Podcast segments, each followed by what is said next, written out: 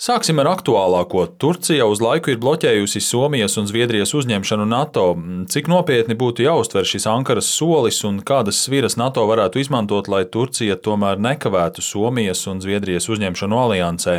Es domāju, ka nopietnas tas ir tādā ziņā, ka, protams, tas paver jau ilgstoši turpinātas problēmas, paceļ tās atkal gaismā, jo, ja mēs skatāmies uz to uz saknēm šajā aizkavēšanās procesā pret Somiju un Zviedriju, tad tas viss atgriežas jautājumā gan par Sīrijas karu un e, mūsu alianses, NATO alianses valstu dažādiem uzskatiem Sīrijas jautājumā kopā ar atšķirībā pret Turciju, un arī pat e, tajā pat laikā arī par 19. gadu, kad tātad, šajās ietveros arī S-400 raķešu sistēmu iegādi, un tas viss kaut kādā veidā savienojas, un tie ir neatrisināti jautājumi, kas šobrīd ir, tā teikt, Turcija ir vērsusi gaismā ar iespēju varbūt iegūt kaut kādas šantāžas pašu ceļā kaut ko no tā, ko viņi ir ilgstoši uzsvēruši kā viņu intereses. Skatoties varbūt tādā īstermiņā, es domāju, ka es nebūtu tik um, pozitīvi noskaņot, uzskatīt, ka līdz uh, varbūt Madrides samitam šis jautājums tiks atrisināts. Jo, ja mēs atskatāmies 2019. gadā, Turcija īsu brīdi, īsu, relatīvi īsu brīdi bloķēja arī Baltijas un Polijas eh, gaisa aizsardzības sistēmu NATO iekšienē, un tas turpinājās no novembra līdz jūlijam. Protams, šajā gadījumā mūsu intereses un situācija un drošības situācija NATO ir mainījusies, un spiediens būs daudz lielāks. Bet uh, es domāju, ka varbūt mēs vēl šobrīd nevaram domāt, ka NATO samitā Madridē, kas ir jūnija beigās, jau būs tāda foto, kur visa ģimene kopā ar Somiju un Zviedriju būs priecīgi vienā vienā attēlā. Ukrainā trešo mēnesi turpinās Krievijas uzsāktais karš. NATO ir stingri nostājusies Ukrainas pusē, bet vairums alianses dalību valstu ir ieviesušas sankcijas pret Krieviju. Taču to vidū nav Turcija. Mm, kāpēc tā?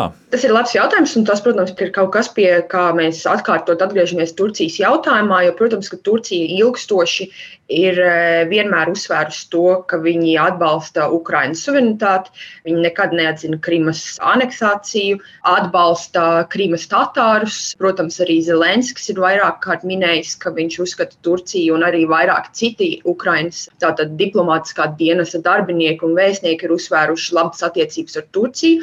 Un e, tādēļ varbūt pat liekas tiešām savā ziņā neloģiski, ka Turcija uzsver savu lomu Ukrainā un savu atbalstu Ukrainai, bet tajā pat laikā nav ieviesuši šīs sankcijas. Oficiāli tas tiek skaidrots ar to, ka šīs sankcijas nav apvienoto nāciju sankcijas, un tādēļ viņi nav pievienojušies. Bet, protams, neoficiāli un patiesie iemesli tam ir tādi, ka tas būtu teju nāvējoši šajā konkrētajā situācijā Turcijas ekonomikai. Ekonomika, protams, turpina strauji pasliktināties, un nākamajā gadā ir vēlēšanas. Es domāju, ka valdība šajā jautājumā domā arī par to, ka, ka vēlēšanās viņi vēlētos tikt atkal ievēlēt, un tās problēmas aug augumā.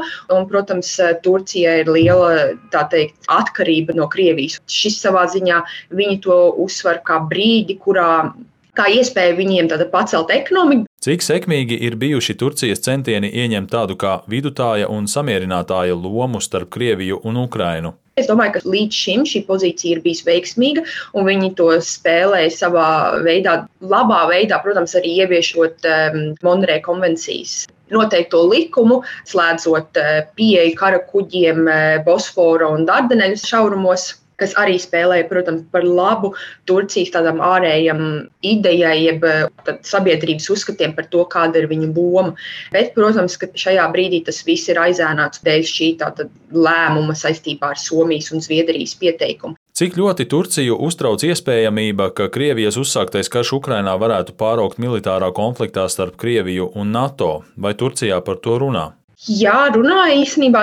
Interesanti ir tas, ka, tad, ja mēs skatāmies kaut kādus viedokļus, sabiedrības viedokļus Turcijā par, pieņemsim, kas ir vainīgs pie kara Ukrainā, tad jāsaka, ka aptuveni 50% uzskata, ka vainīgi savā ziņā pie tā, ka karš izcēlās, īstenībā ir NATO un ASV. Bet tajā pat laikā aptuveni 60% iedzīvotāji tāpat uzskata, ka viņi vēlās būt NATO. Tad ir kaut kāda viedokļa nesakritība, jo vienlaicīgi viņi vēlās būt NATO, viņi ir daļa no NATO, bet uzskata, ka NATO un ASV ir kaut kādā veidā vainojama. Un, protams, tas ir arī saistīts ar varbūt pat savā ziņā valdības atbalstītu dezinformāciju par tātad, rietumu lomu un, un visu, ko rietumu valdības ir darījuši arī, lai tā teikt, pasliktinātu drošības situāciju Turcijā.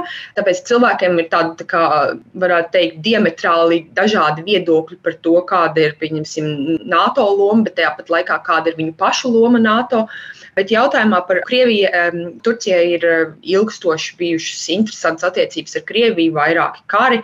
Sabiedrības uzskata par Krieviju nav kā par draudzīgu valsti. 3,2% no nesen veiktā pētījuma uzskatīja, ka Turcijai vajadzētu atbalstīt Krieviju. Tātad tas nav jautājums par atbalstu Krievijai. Drīzāk tas ir jautājums par to, ka viņiem kaut kādā veidā sevi jāatrod pozīcijā, kur lielākā sabiedrības daļa vienlaicīgi uzskata, ka viņi ir tikuši kaut kādā veidā sāpināti no rietumu puses, bet tāpat laikā arī neatbalsta Krieviju. Tātad kaut kā tas viss ir jāsalīdzina. Bet saistībā ar um, to, ka karš varētu pāraukt tādā NATO-Krievijas karā, par to runā varbūt tāda nacionāliska partija MHP. Tieši kaut kad nesen izskanēja, ka viņi par to uztraucās, bet jāsaka, tādā vispārējā kaut kādā diskursā tas ļoti daudz neparādās.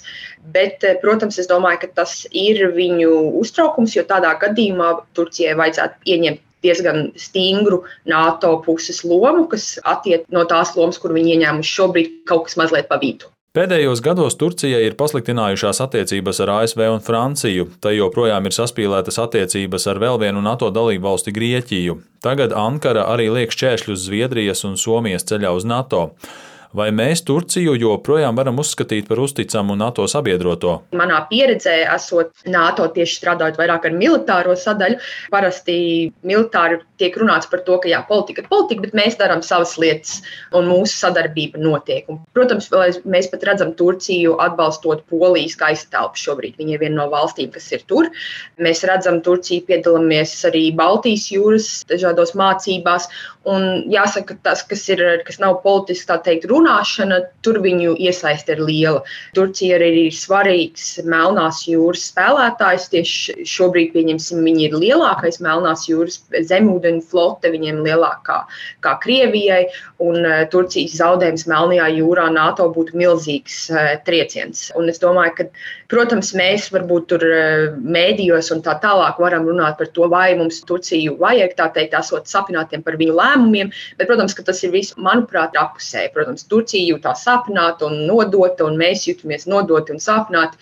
Bet gala beigās, protams, ka mēs visi, manuprāt, iegūtu no tā, ja atrastu veidu, kā veidot dialogu un stiprināt NATO, nevis runāt un domāt par jautājumiem, kā samazināt vai vājināt NATO. Jo Turcija ir milzīgs NATO karaspēks ar milzīgu aizsardzības industriju, kas ir plaukstoša un augoša. Tādēļ, manuprāt, mums mūsu visu arī Baltijas aizsardzības ietvaros būtu labāk, ja mēs atrastu veidu, kā tomēr draudzīgi, salīdzinoši draudzīgi sadzīvot.